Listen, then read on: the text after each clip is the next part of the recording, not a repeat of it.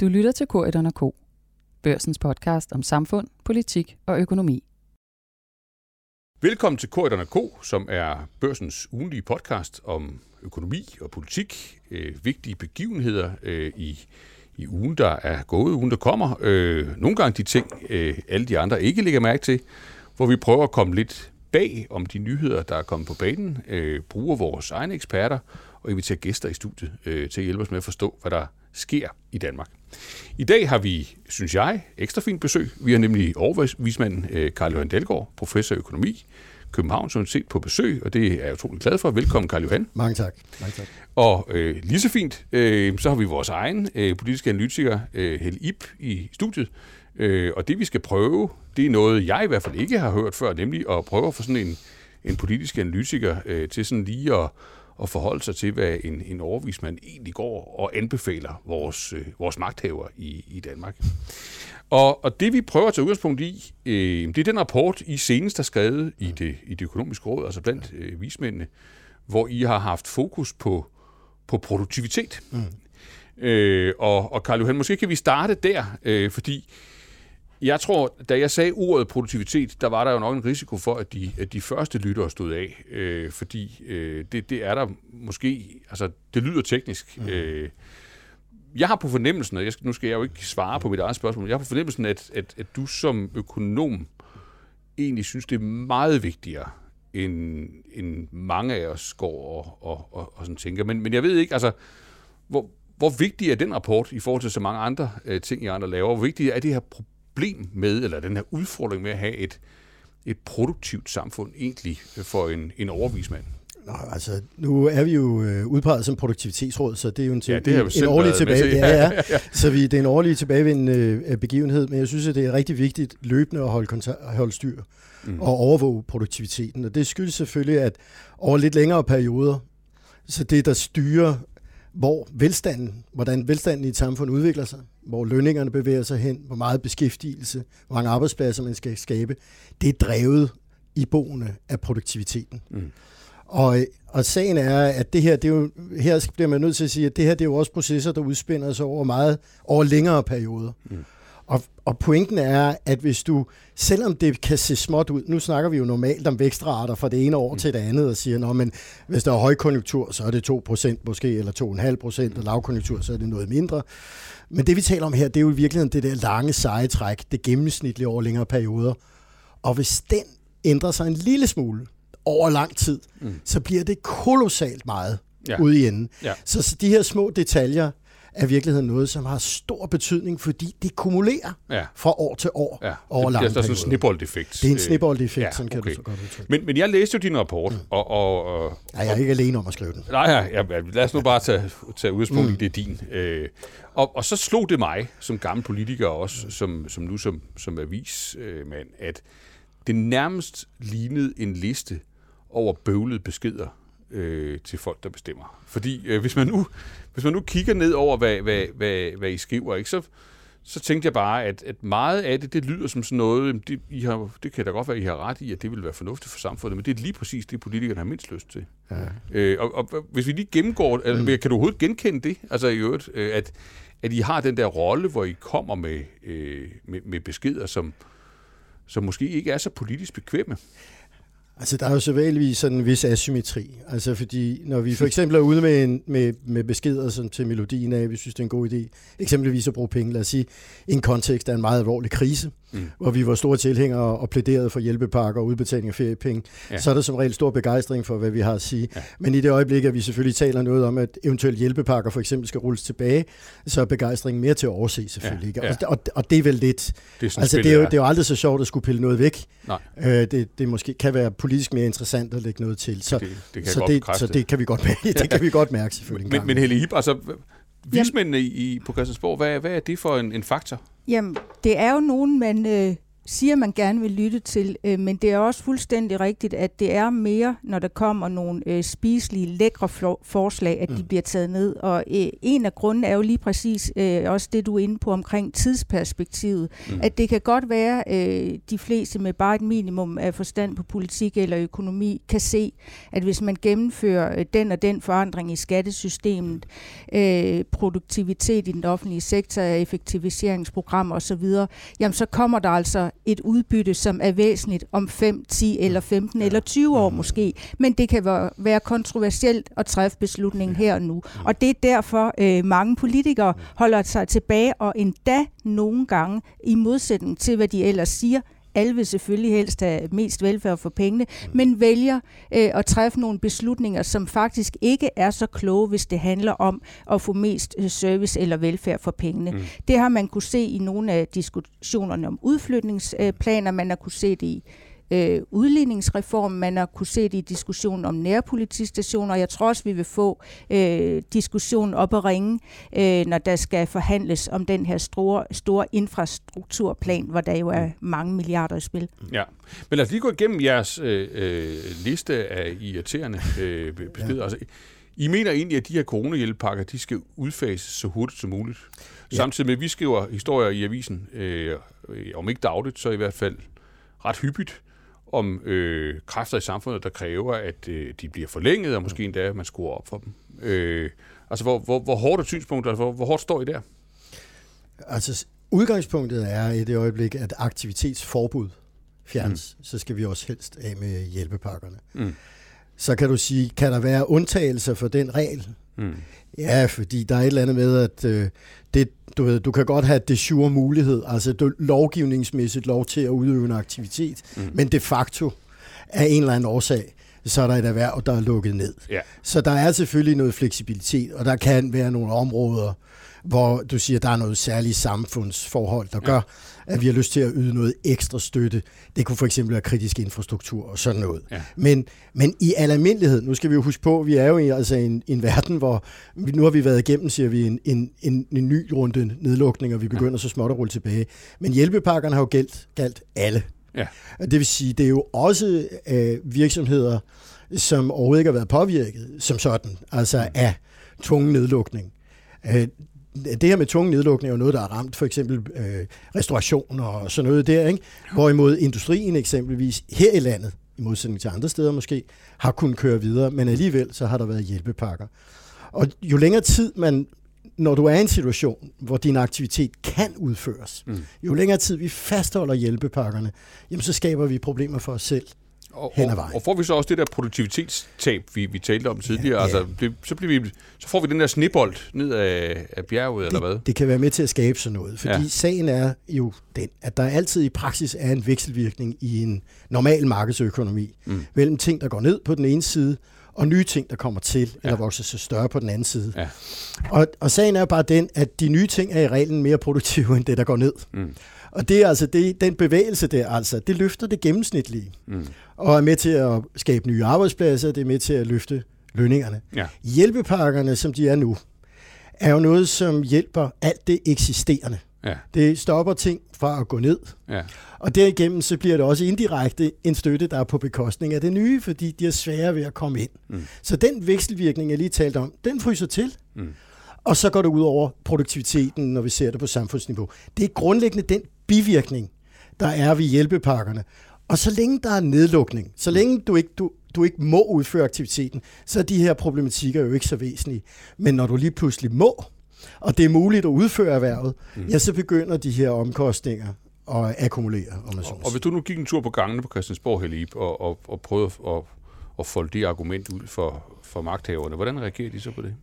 Jamen, jeg tror godt, de er klar over det, fordi vi har jo også kunne læse netop de her ekspertanbefalinger, som øh, alle partiledere øh, har kunne læse, og som jeg også synes, man kan notere sig, finansminister Nikolaj Vammen egentlig rimelig mm. hurtigt tog bestik af sidste år talte om, nu skal vi altså lave et gearskifte. Mm. Det er en ny situation nu, der skal udfases, og så skal vi se på, hvad, hvad kan der så blive brug for øh, på længere sigt men der synes jeg, man så har kunnet notere sig, selvfølgelig også i lyset af, at vi er påvirket af, øh, hvad sker der i landene omkring os. Det er stadigvæk sådan, der er sådan en, en usikker stemning af, hvad er det egentlig for en økonomisk politik, øh, man kan føre. Men man kan i hvert fald bare notere sig, at det har ikke været et enkelt klassisk rødt blåt billede forstået på den måde, at det bare i gåsøjne øh, var de øh, traditionelle røde, der gerne ville mm. bruge penge, øh, dele tilskud og så videre. Altså det har lige så meget været de borgerlige, øh, der har råbt op øh, og, og nærmest lavet sådan en indirekte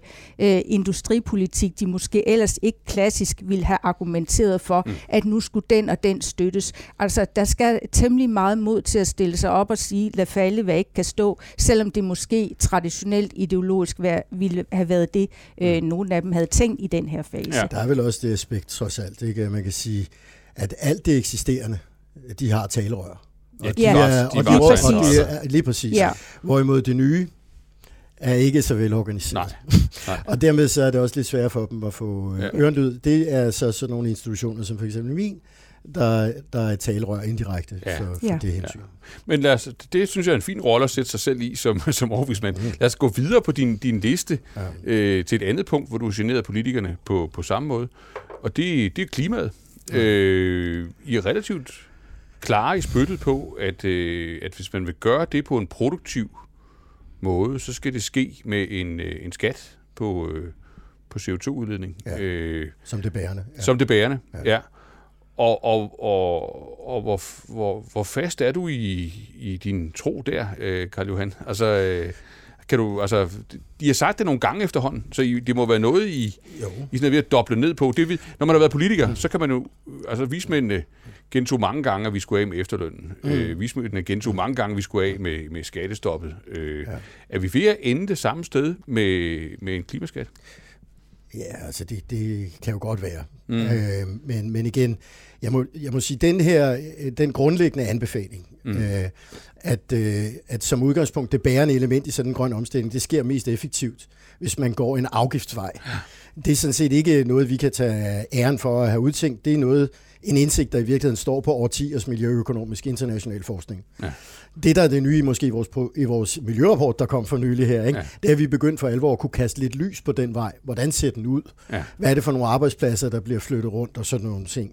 Så vi kan begynde nu at kaste mere lys i den vej. Men, men det korte og lange, det er, ja, det er bedre, det er mere effektivt, hvis man skal i det store hele trække, lave den her, gennemføre den her transformation, hvis man får markedet med som medspiller. Mm.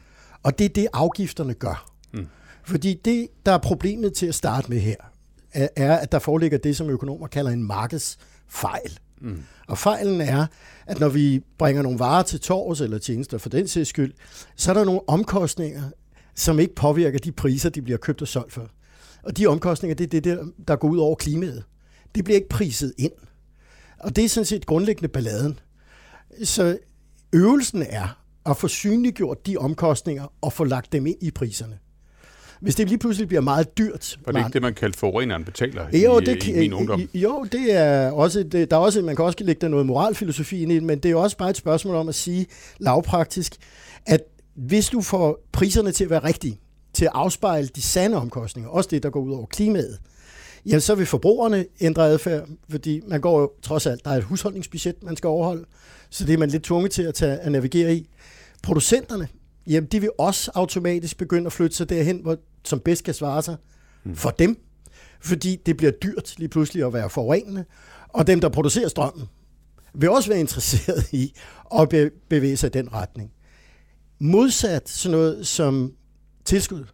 Fordi der skal du ned og micromanage og finde ud af, hvordan får vi nu overtalt virksomhederne til at gøre det rigtige? Hvorfor, hvordan får en ud en hel masse tilskud?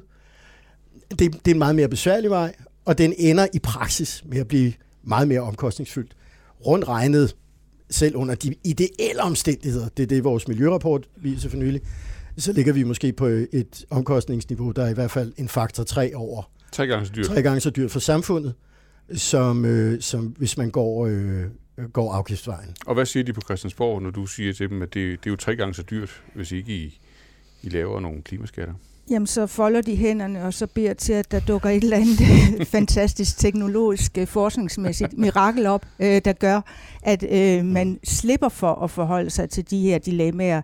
Øh, jeg tror på Christiansborg, at der er ved at brede sig en opfattelse af, at det er muligt, at der er ikke nogen, der vil sige det direkte, men det bliver svært at tro på for flere og flere, at vi kommer i mål med de 70% CO2-reduktion i 2030. Mm-hmm.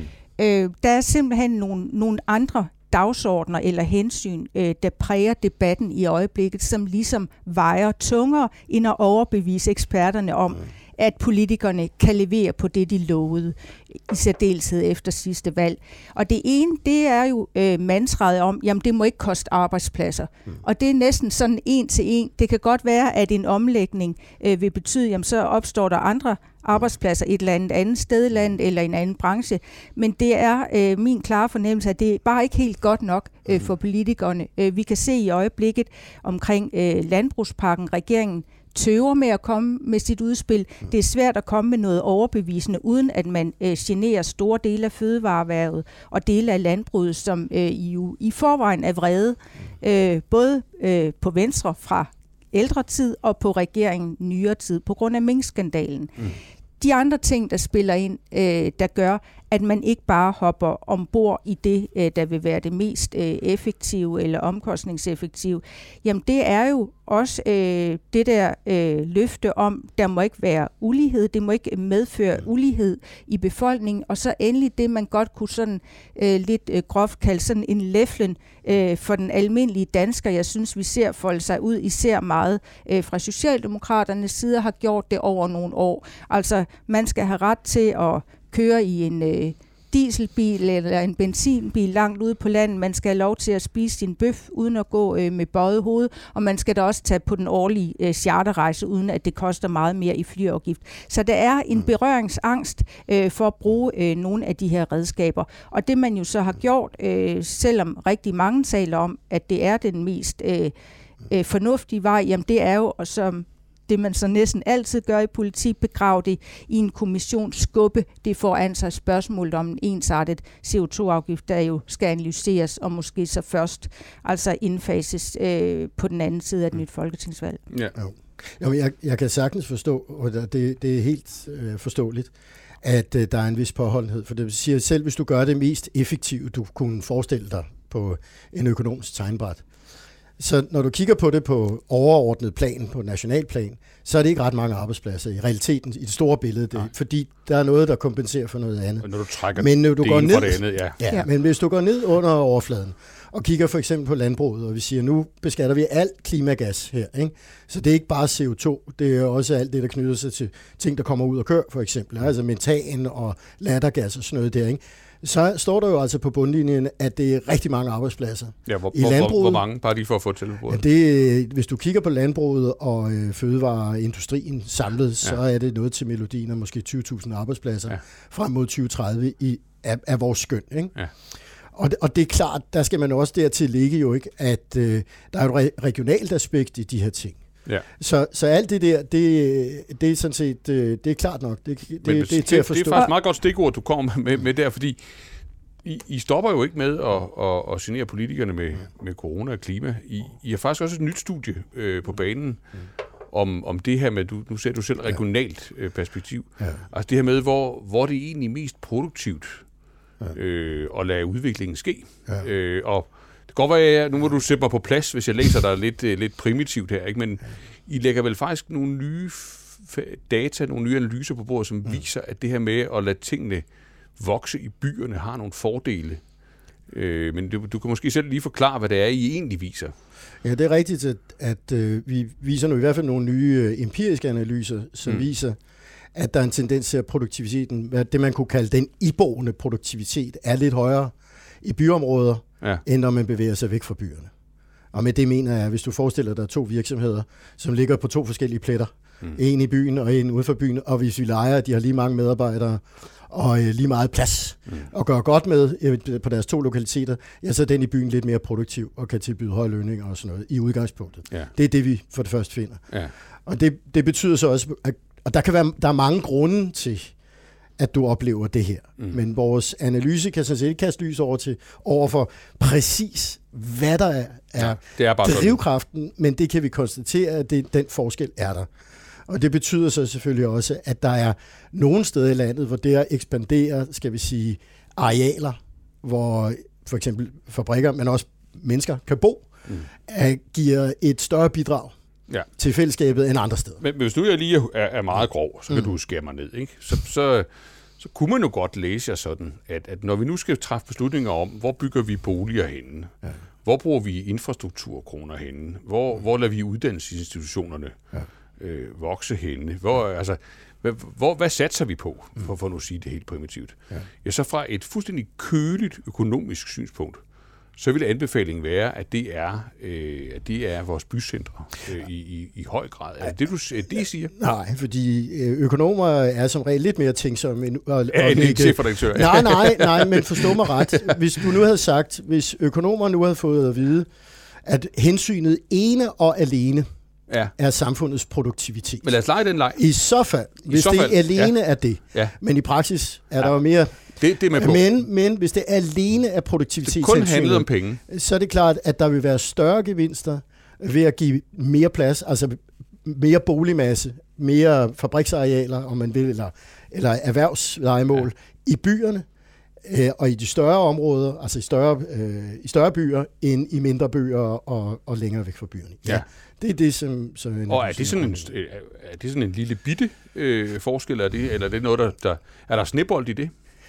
Mm, altså, det, altså her er det jo øh, en, en niveau-ting, som vi er ude i her, ikke? for det er ja, ja. noget med, hvordan folk er fordelt. Ja. Og der kan godt være en snebold, det kan vi lige vende tilbage til, men den er, den er lidt mere krøllet. Og ligger, og, ligger, og ligger ikke øh, i vores, øh, men, skal vi sige, modelberegninger. Men, men, men, men, men det er klart, at, at, at i det omfang, at du får presset, kan, kan øge boligmassen, så kan du ekspandere mere i byerne. Det øger produktiviteten mere, hvis du ligger for eksempel laver udvidelsen i København eller Aarhus mm. af boligmassen, så får du et større effekt på samfundsøkonomien, end hvis du deler den der stigning, den samme kvadratmeter stigning ja. ud, smører den ud over hele landet. Men, men hvis du nu sidder og tænker over, hvordan du vil, vil forklare en, en krøllet snebold til, til vores lyttere, som siger, så kan vi lige få Helle ind imens og høre, altså, det er så det tredje råd, og der er faktisk flere på, på, på listen. Dem når vi så ikke i, i, i dag. Hvordan, hvordan spiller det på Christiansborg? Der, at der kan man sige, at det her med by og, og land og udkant og, og, og, og så videre har jo været, øh, har jo været faktisk et, et vigtigt politisk spørgsmål i de senere øh, år. Ja, og, og, og man kan jo sige, at trenden er så nærmest det modsatte mm. af jeres råd. Øh, I hvert fald, hvis man breder det ud og siger i den forstand, at der er flere og flere øh, politikere, enten dem, der har magten eller gerne vil have, mm. øh, jamen, som forsøger at overbevise om, at de vil være regering og magthaver for hele Danmark. Altså under øh, Lars Lykkes venstreledede regeringer blev der jo øh, lanceret to øh, planer for udflytning af statslige arbejdspladser. Der har været en myriade af tiltag, alt fra øh, bedre internetforbindelse på landet til adgang til praktiserende læger. Øh, og hele øh, diskussionen under øh, den nuværende regering, øh, Mette Frederiksens ledelse af, hos, øh, af Socialdemokraterne, har jo sådan set også gået på i meget høj grad at forsøge at rette op på det, som man anser øh, for skader og uheldige følgevirkninger af, af den gamle kommunalreform. Altså det mm. forhold, at der er blevet mere stille på landet, at øh, væksten er død ud nogle steder, at købmanden er lukket, at der er for langt til det nærmeste sygehus, at øh, skolen ikke kan overleve, fordi der er for få elever. Man laver nogle nålestiksoperationer i forsøg på at måske overbevise nogle vælgergrupper om, at man kan vende udviklingen, selvom det ser meget, meget svært ud. Mm. Man kan selvfølgelig også sige, at øh, man kunne meget dårligt slippe sted med som magthaver og sige, når den egen af Danmark kan vi være ligeglade med. Der bor Bestemt. ikke særlig mere, mange mennesker. Dem, der er tilbage, kan få et AMU-kursus, så kan de arbejde på et eller andet øh, frilandsmuseum. Det går selvfølgelig ikke, hvis Nej. man vil være statsminister eller regering for hele Danmark, fordi det har også noget med hele øh, spørgsmålet om øh, sammenhængskraft, øh, Jamen, psykologien, alt det der, øh, som ikke bare handler om produktivitet. Her, her prøver vi også bare at, at, at forstå, hvad det betyder økonomisk, men det kan være, at Karl Johan kan slutte øh, øh, der. Altså, hvad, altså vil, vil du komme tilbage på den krøllede øh, snebold? Altså, er, er, er, det, er det noget, der rigtig betyder noget, det her? Er det sådan en, altså, en der, akademisk betragtning lidt nej, i randen af altså, en vismandsrapport? Ja, altså det, der er en indirekte, den lidt mere krøllet ting, er, at vi har også en ny analyse, der knytter sig til de gevinster, man har af i virkeligheden at arbejde i byer. Mm. Og hvis man tænker på nyuddannet, nu er det her fokus øh, i virkeligheden på akademisk uddannet, mm. øh, vi er her fat i. Og hvis du kigger på nyuddannet, så er der ikke den store forskel på, hvad du tjener om du er, på, er ansat i en by ja. øh, eller andre steder i landet, kan man ja. sige. Men det akkumulerer. Der ja. er en lille forskel, og det betyder, at når du kommer ud, over, ud på en 10-års horisont, ja. så er der faktisk en gevinst ved at have job i byerne, som godt kan fortolkes som en produktivitetsgevinst, som mm. Går til den enkelte. Det kan være noget med, at du finder et bedre match med arbejdsgiver. Det kan også være, at du får mere indlæring, fordi du har mere interaktion med folk på tværs af arbejdspladser.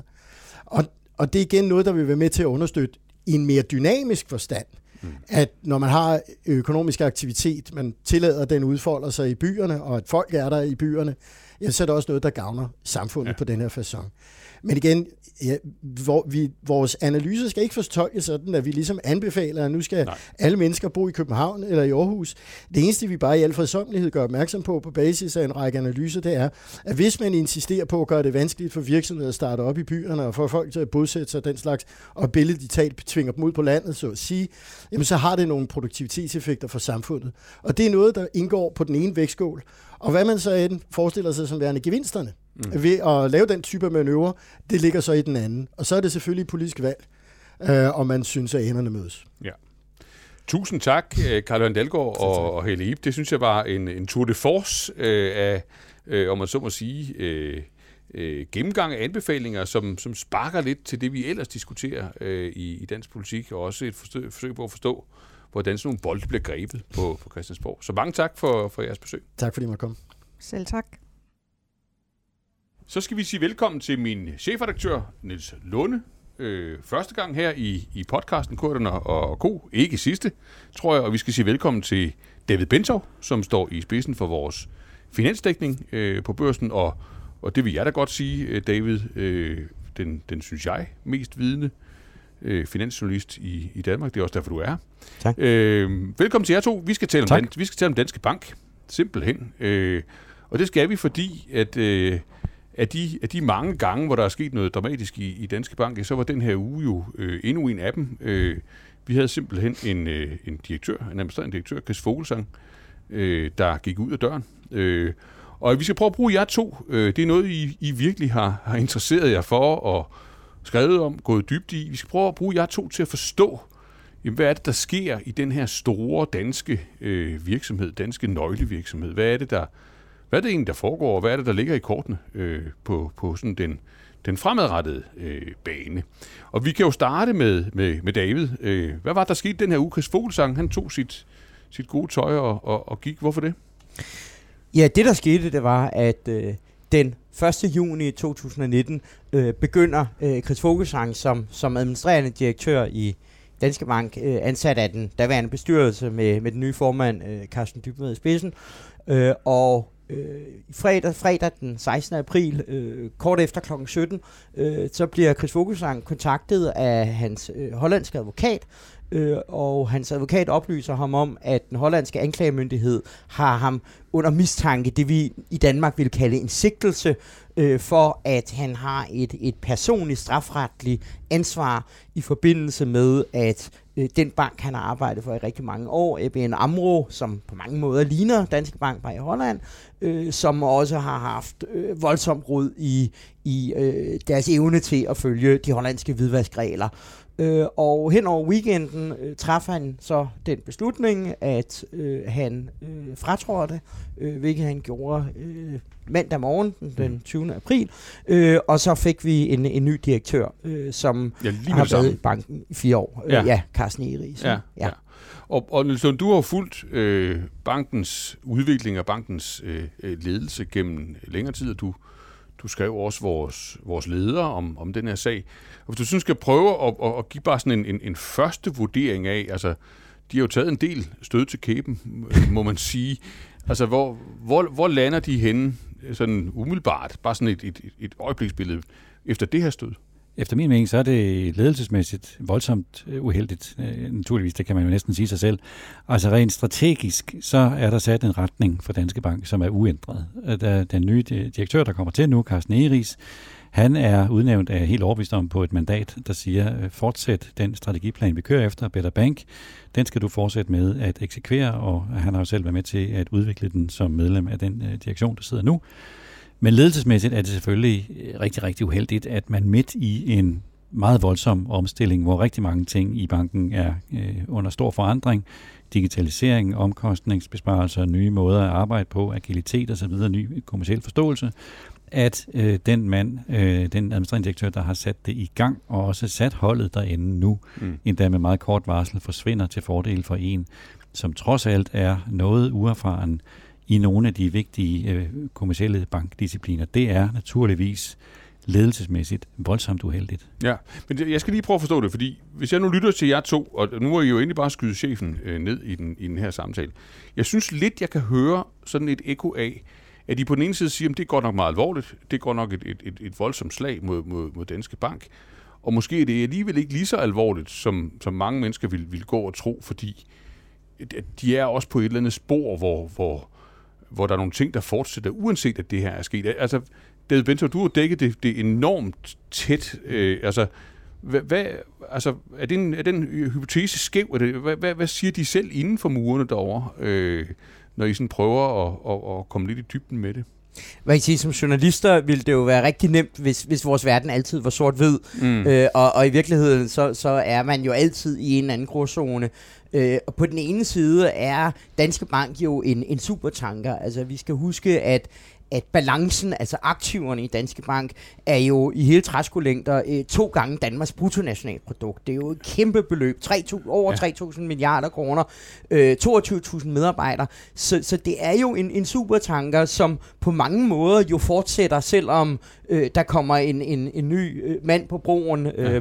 men, men på den anden side, øh, den person, der er på broen, også på en supertanker, kan jo stadigvæk påvirke, hvor supertankeren sejler hen, og, og måske især, om, om den i virkeligheden sejler på grund. Ja. Øh, og derfor så, så skal man jo ikke vente, at der på den korte bane sker noget, slet ikke, hvis man er kunden i banken, men, men man må jo også sige, at, at mange af de problemer, som Danske Bank stadigvæk kæmper med, især i forhold til deres hvidværssag, men også mange andre af deres grimme sager, kommer jo egentlig, hvis vi går ned og kigger på det, kommer jo af et ønske fra en tidligere ledelse om at, at maksimere en profit og spare nogle omkostninger osv. Mm. Så, så man skal jo ikke undervurdere øh, den betydning, en topleder har i nej, enhver virksomhed. Nej. Men, men lad os lige prøve, altså, Niels Lunde, altså, lad os sammenligne. Altså, det her slag, den her til, til kæben, hvor slem var den? i, i forhold til, øh, ja, der er jo en, der er en ret, du, du kan selv vælge på, at der er en del at sammenligne med i, i forhold til noget af det, vi ellers har skrevet om. Altså, øh, for eksempel, da Thomas Borgen måtte, måtte, måtte gå, og, og vel også nogle af de sager, der har været i øh, under Chris Fuglsang. Der vil jeg mene, at den her, den er, den er nok mindre. Altså, den er naturligvis meget mindre end alt den ballade, der var omkring øh, Thomas Borgen, da han gik, og under de omstændigheder, også dengang, hvor bestyrelsesformanden Ola Andersen blev gået. Mm. Det her er alligevel en alvorlig sag, og det er det, fordi selvom den strategiske retning er uændret, så siger det sig selv, at når den ansvarlige direktør forlader øh, mm. sit job, ovenikøbet med kort varsel, jamen så sker der mange ting internt i en organisation og en kultur. Der er jo, det ved alle, altså at den nye direktør skal først til at sætte sig ind i jobbet. Han er trods alt øh, kun 44 år. Han har nogle åbenlyse svagheder, især på øh, det kommercielle. Der er en stor risiko for, at man taber momentum, altså at selvom den strategiske retning er lagt fast, at så vil øh, eksekveringen sættes ned i tempo. Ja, og det ja. synes jeg er en meget åbenlys risiko her, plus det her efterlader bestyrelsesformand Carsten Dybmad yderligere svækket at den øh, opgave, han havde, som jo i hvert fald i første omgang var den vigtigste, nemlig at udnævne en ny administrerende direktør, Chris Vogelsang ikke er lykkedes. Så mm. ledelsesmæssigt efterlader det her banken med et svækket momentum. Ja, men momentum, supertanker, lad os så altså, fra et samfundsmæssigt perspektiv prøve at forstå, hvor den her supertanker sejler hen, eller, eller hvor den i hvert fald hvor ønsket i hvert fald er, at den skal, skal sejle hen. Det er, jo, det er jo en bank, alle, alle kender Danske Bank. Den hedder Danske Bank. Øh, alle har også, tror jeg, eller mange har en mening om det, der er sket i, i Danske Bank de, de senere år. Kan I ikke lige prøve at hjælpe os hurtigt? Vi kan starte med David. Mm-hmm. Hvad er det, de prøver at gøre? Den, I siger, det er en uændret kurs. Øh, en, ny, en ny direktør, yngre, mere uprøvet. Øh, hvad, hvad, er det? Hvad er missionen? Hvad skal han ud? Hvad skal han i dybest set i mål med? Altså, man kan sige, at Danske Bank står over for tre udfordringer. Mm. Øh, den ene udfordring er, at der har været en enorm udskiftning i ledelsen. Altså, vi har regnet sammen, at over de sidste fem år øh, har der været 19 personer igennem direktionen. Mm. Øh, det, det er jo fuldstændig vildt tal. Øh, faktisk er Carsten Egeris øh, sammen med, med en, en der hedder Glenn Søderholm, øh, er, er øh, en af de mest erfarne i direktionen, og han, har, han har været der under fem år. Mm. Øh, så det, det er det ene, det er meget specifikt Danske Bank. Det andet er også meget specifikt Danske Bank, det er deres, det man kalder møgssagerne, øh, der var noget med noget Flexinvest, der har været noget med noget inkassosystemer, og så er der jo det stadigvæk åbne sår, som hedder en, en uopsluttet hvidvasksag i Estland, øh, en forventet milliardbøde, som vi ikke aner, hvornår kommer. Fra bøde, hvor... Fra, fra de amerikanske myndigheder, de amerikanske myndigheder. Øh, Yes. hvor vi regner med en bøde på mellem 8 og 12 milliarder kroner formentlig. Det tredje problem, det er et problem, som Danske Bank deler med alle andre banker i øjeblikket, i hvert fald i Europa, som jo er sådan nogle strukturelle problemer. Det er meget, meget svært at være bank og tjene penge på at drive bank, når du har i stadig flere øh, krav fra myndighederne i forhold til hvidvask og alle mulige andre ting, samtidig med, at man har negative renter, samtidig med, at, at folk faktisk ikke er super interesserede i at låne penge, og mm. det er jo det, en bank lever af. Mm. Så, så der er jo også det, det tredje niveau, som, som er strukturelt, og som er lige så alvorligt i, øh, i Nordfyns Bank, som det er i Nordea, som det er i Danske Ja. Bank. Så, så det er tre meget, meget komplekse problemstillinger. Ja. Men, men Niels, du, du sidder jo så, altså, du siger, lever du af at sidde og vurdere de her topchefer, altså kan, kan, de, kan de håndtere det, og hvad har de, hvad har de, hvad har de i værktøjskassen i forhold til, hvor, hvor, hvor svært det er? Nu du kigger ind på, på, på det her, altså, betyder det noget, at det er en dansker, der er kommet i, i, i, i førersædet? Ja, det gør det. Det gør det. Det synes jeg er en meget tydelig lære af forgængeren. Altså Chris Fogelsang, udover at han lavede den der med, da vi, jeg sad der, David var der også, over på Folkemødet på Bornholm, hvor han erklærede, at han ville lære dansk, og han ville præsentere det næste regnskab på dansk. Det ved vi alle sammen, det lykkedes ikke, og det har han så senere indrømmet. Det var et symbolsk udtryk for, at når man er en bank som Danske Bank, som har en tredjedel af danskerne som kunder, øh, så er man jo nærmest en halvoffentlig institution. Man er en del af sit øh, samfund. Man er nødt til at have en ledelse, som kan udtrykke sig øh, på dansk og kan indgå i en samtale med øh, danskerne. Og derfor er det helt tydeligt øh, indlysende en fordel, at den nye, han øh, taler dansk. Mm. Man må så sige, som øh, de øh, udfordringer, som David lige har redegjort for, Mm. de smelter jo lidt sammen. Altså udover de ledelsesmæssige udfordringer, som David nævner, og så den her samfundsmæssige udfordring og den kommercielle udfordring, det smelter jo selvfølgelig sammen, og længere ned ad vejen, der er det jo, at bankens udfordring, som er så voldsom, det er, at den for det første jo, det er jo, at bankens udfordring er, at den skal jo have den her samfundsmæssige anerkendelse, eller den her samfundsmæssige respekt. Det skal den nye direktør, øh, Carsten Egeris, jo forsøge at tale banken ind i. Mm. Og det ved vi alle sammen, det kommer til at tage lang tid. Det kræver det her lange seje træk, hvor der forhåbentlig ikke kommer nogen øh, dårlige nyheder. Men i den kommercielle udfordring, som David også nævner, de ting hænger jo sammen, fordi længere ned ad vejen, længere ude i fremtiden, der venter jo den her store digitale tech-udfordring, som øh, de snakker ikke ret meget om det, hverken i Danske Bank eller i Finans Danmark eller andre steder. Men de her store amerikanske og andre øh, tech-virksomheder, som øh, arbejder som platforme og som begynder mere og mere at tage kunderelationen, det gælder ikke kun i finans, det gælder jo helt ned, når vores voldbud kommer med en pizza. Altså hele den her platformsdiskussion efterlader jo en kæmpe trussel i forhold til også finansielle virksomheder og selv øh, Danske Bank, som allerede nu begynder at blive presset på mobile pay af Apple Pay i kraft af, at Apple i kraft af sin størrelse og sin teknologi kan tage en position imellem Danske Bank og bankens kunde. Det skal banken finde en løsning på. Hvordan ser en lønsom Danske Bank ud om fem år? Mm. Og det skal man jo, hvis man skal rundt om det der, den der teknologiske barriere, som platformene kommer til at udgøre, og en risiko for, at platformene tager kunderelationen simpelthen fra bankerne. Jamen, hvis bankerne skal overleve det, så skal de gøre det blandt andet med en samfundsforståelse. Altså, hvordan ser egentlig en pengeforståelse ud i et moderne samfund? Kundernes pengemæssige behov, hvordan ser det egentlig ud i en digital verden? Hvordan kan vi som bank fastholde en kunderelation? på trods af, at en Apple eller en Google vil gøre alt, hvad de kan for at tage vores øh, kunderelation. Så den store udfordring for en bank som Danske Bank, det er, at man skal som topchef altså både forstå det her kommercielle og det samfundsmæssige i en sammenhæng. Ja. Så det lyder som om, når du går ind i, i, i- i Davids tredje øh, kategori her, altså den, den, den rigtige varige udfordring. Så det lyder som om, du, du peger på, at det er sådan en meget svær, nærmest sådan jiu-jitsu-agtigt et, øh, greb, man skal have fat i, hvor man på den ene side skal have, have styr på, på, på samfundskontrakten, på for at genvinde en eller anden form for respekt i samfundet, og på den anden, måde, anden side, så skal man have genopfundet sin, sin, sin forretningsmodel øh, i forhold til nogle, nogle konkurrenter, der ikke var banker i udgangspunktet. David Bentov, altså, hvor, hvor langt er den proces så i en institution som Danske Bank, når du kigger på den udefra, som, som finansjournalist, der har fulgt den her sektor i, i mange år, sammenligner det, der foregår i Danmark med det, du ser i andre lande, og, og, og så videre. Jeg tror, det, det som Niels nævner, er, er, er enormt centralt. Altså mm. i hele, hvad teknologien kommer til at betyde ja. for bankerne og for deres relation til kunderne. Det er helt afgørende.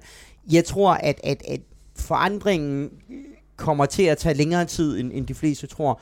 Men, men for at, at prøve at lave en analogi til, til den trussel, som, som Niels nævner, øh, så vil jeg egentlig gå ind i vores egen verden. Mm. Øh, første gang, jeg, jeg blev ansat øh, på børsen, det var i forrige årtusind, i, i 1999. Øh, selv i 1999, der havde øh, aviser som børsen, vi havde faktisk et monopol på nyhedsformidling. Mm.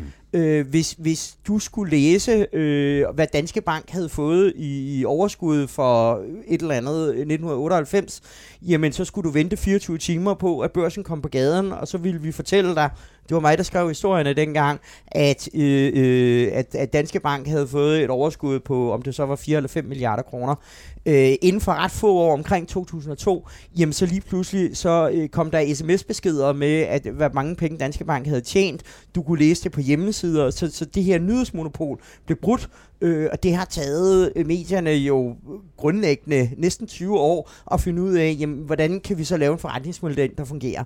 Jeg tror, at, at det, som bankerne kommer til at gennemgå nu, bliver meget, meget analogt. Mm. Altså ligesom at øh, øh, børsen og Berlingske og Jyllandsposten jo stadigvæk har en forretning, men som er helt anderledes end for 20 år siden. Mm. Men jeg tror egentlig også, at, at bankerne som udgangspunkt har også en god forretning om 20 år. Den er bare helt anderledes, mm. end den, de har været vant til de foregående 200 år. Men, men så prøv lige at lade os slutte med, med, med, med at forstå det samfundsmæssige, det er for jer begge to, fordi det er jo super spændende, øh, hvis man arbejder i Danske Bank, eller har ambitioner øh, om det, eller hvis man konkurrerer med Danske Bank. Men for alle vi andre, altså for, for os som samfundsborgere, og ja, for, for, for samfundsøkonomien og sådan noget, er det så egentlig, hvor, hvor vigtigt er det, at Danske Bank de klarer det her, og at de klarer det til tiden, Niels Lund? Det, jamen det, det er et godt spørgsmål, fordi øh, det store perspektiv for mig at se, det er jo, eller hvad, lad os bare kalde det risikoen, jamen det er, at platformer, der taler vi jo, de store platforme, de ender med at tage øh, den her øh, kunderelation, og det vil sige, at bankerne efterlades i en sådan utility-situation, lidt ligesom teleselskaber. Altså bankerne, det bliver dem, der laver sådan det lidt kedelige infrastrukturelle øh, til et relativt lavt afkast, og så partner de op med nogle øh, forbrugerinterfaces som øh, Apple og Google, som så tager sig af den her lækre øh, kunderelation. Det, det, man, sådan, det, man kan tjene penge på. Det, man kan tjene penge på. Ja. Og det er jo sådan lidt, kan man sige, et skrækscenarie for øh, bankerne, og i, i en eller anden forstand jo også for os som kunder, fordi øh, det betyder jo, at altså, en amerikansk tech-virksomhed er jo ikke særlig, ret, øh, særlig interesseret i, hvordan dansk ø- samfundsøkonomi øh, ser ud, eller hvordan forbrugerbeskyttelsen og, og, skal og det er Danske Bank? Eller, det er i hvert fald øh, skrækscenariet, mm. sådan 5-10 år ja. ud i fremtiden. Og der ja. kan man sige, for os som kunder, hvad, øh, hvad er alternativet til det? Jamen der vil jeg da sige, at øh, der må man da sige som samfundsborger, at man må da håbe, at danske banker, særligt også de små, øh, som har helt andre udfordringer, men også at de store banker som Danske Bank, de øh, intellektuelt finder ud af at håndtere det her. Altså både ledelsesudfordringen, som David er inde på, samfundsudfordringen og den kommercielle udfordring, at få de tre ting løst i et, hvad skal vi sige, i et en bevægelse, sådan at man på den anden side af det her stadigvæk har en lønsom danske bank. Fordi hvis det ikke lykkes, jamen så vil øh, vigtige finansielle beslutninger blive truffet uden for Danmark. Og det vil være i din vurdering, altså en, de vil blive truffet på en måde, hvor hensynet til dansk økonomi, hensyn til dansk samfund er en anden karakter. Det er klart. Altså i dag vil det jo stadigvæk være sådan, at en, nationalbankdirektør eller en finansminister trods alt kan ringe i Holmens kanal og føre en samtale om, øh, hvad skal man gøre, hvad er i for hensyn til samfundsøkonomi, hensyn til investorbeskyttelse, forbrugerbeskyttelse. I det her skrækscenarie, som vi håber ikke går i opfyldelse, jamen man kan ikke ringe til Silicon Valley som en dansk finansminister eller nationalbankdirektør. Så i det lys håber jeg, at Carsten Rieris han øh, får succes. Det lyder som en, øh, en et rolig analyse, i hvert fald for den, den, den sidste del. David Bensov, vil du øh, slutte af med, med, med tilsvarende bud? Du, du har jo kigget, du kigger på, på banker som banker, du kigger på finanssektoren som finanssektor. Det er dit, dit arbejde køligt og, og jagttagende, men, men du har jo også en samfundsvinkel på, på din, din dækning. Hvor vigtigt er det her for Danmark? Jamen Bjarne, hvis jeg skal prøve at gå dig lidt i bedene ja. og, og lege politiker, ja. hvilket jeg absolut ikke har nogen forudsætninger for, men, men det skrækscenarie, som, som, som Nils øh, øh, opstiller, som jeg er helt enig i, jamen, jamen det kan jo også have nogle politiske implikationer. Øh, helt lavpraktisk eksempel. Danmark har jo nogle, nogle finansielt nogle, nogle fuldstændig unikke produkter globalt set. Øh, det vi alle sammen kender, det er realkreditlånet. Mm. Øh, det der er så specielt ved realkreditlånet, det er, at det er en, en kollektiv låneform. Det vil sige, at den pris, som jeg betaler for at købe et, et hus til 800.000 øh, på Lolland, er, er sådan set den samme pris for at låne penge, som man betaler i Charlottenlund og på Frederiksberg. Mm. Det er jo en kollektiv model, fordi tabsrisikoen er altså større på Lolland. Så, så hvad er det en fordel for? Jamen, kollektive modeller er jo som regel en fordel for de svage i et samfund. Fordi at, at, at dem, der har rige, som egentlig kunne forhandle sig til en bedre bidragssats, jamen de kan ikke forhandle, fordi nu forhandler man ikke bidragssatser. Mm. Øh, hvis vi får denne her atomisering, som, som Niels nævner, og som jeg tror er meget sandsynligt, hvor, hvor banker ikke længere har nogle gynger, som man kan tjene på, og nogle karuseller, man kan tabe på, men hvor øh, alle de lukrative produkter, de ryger til, til Google og Amazon og Apple osv., og, så videre, og så sidder de tilbage med det kedelige, jamen, jamen så kan man jo ikke have så kollektiv en tilgang, og det vil sige, at vi kan ende med et system, hvor dem, der skal låne til en bolig på Frederiksberg eller Charlottenlund, jamen de kan låne til en pris, øh, og dem, som skal låne øh, på Lolland, jamen det bliver jo det her subprime, som vi kender fra USA, øh, med nogle andre, der kan hedde 15-20 procent. Øh, og, og det vil jo have nogle, nogle fuldstændig realpolitiske konsekvenser for Danmark. Så, så kan man sige, at det er en, en entydig ulempe? Nej, det er jo ikke en ulempe, hvis man nu bor i Charlottenlund, hvis man nu er en del af A-holdet, jamen, så kan vi jo egentlig fjerne meget af det her overflødige fedt fra bankerne.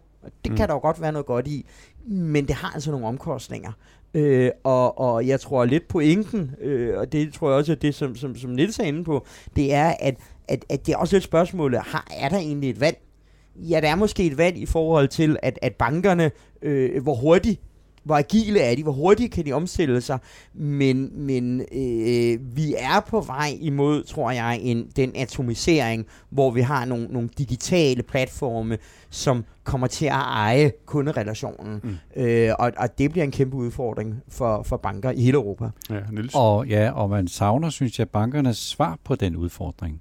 Altså, jeg synes, bankerne er bemærkelsesværdigt tavse omkring, hvordan vil de håndtere den udfordring. Hvis du så Danske Bank, nu snakker vi om Danske Bank, hvis du så deres seneste generalforsamling, formanden øh, Carsten Dybvad i hans mundtlige beretning på øh, generalforsamlingen til aktionærerne, der var det her fraværende. Mm. Det var ikke et perspektiv, som han talte om, og Finans Danmark har heller ikke været specielt øh, artikuleret omkring det. Så derfor står man lidt som, øh, ikke kun som kunde, eller som samfundsborger, eller som aktionær, man står lidt sådan og, og venter lidt på bankens svar på mm. det her. Hvad er egentlig på det her langsigtede perspektiv bankens bud på en lønsom bank på den anden side af det her? Men den sender vi videre over i, i Holmens kanal, og måske også sådan en, en variant af den over på Christiansborg. Øh, tusind tak for jeres hjælp til det, øh, David Bentov, Niels Lunde. Selv tak. tak. Det var alt for Korten og K i denne uge. Vi er tilbage næste onsdag, og vi har flyttet vores udgivelsesdato fra fredag til onsdag. Så vi er tilbage næste onsdag. Tak fordi du lyttede med på Korten og K. Vi håber, du lytter med næste gang. Og indtil da, så giv os gerne en anmeldelse i din podcastplayer.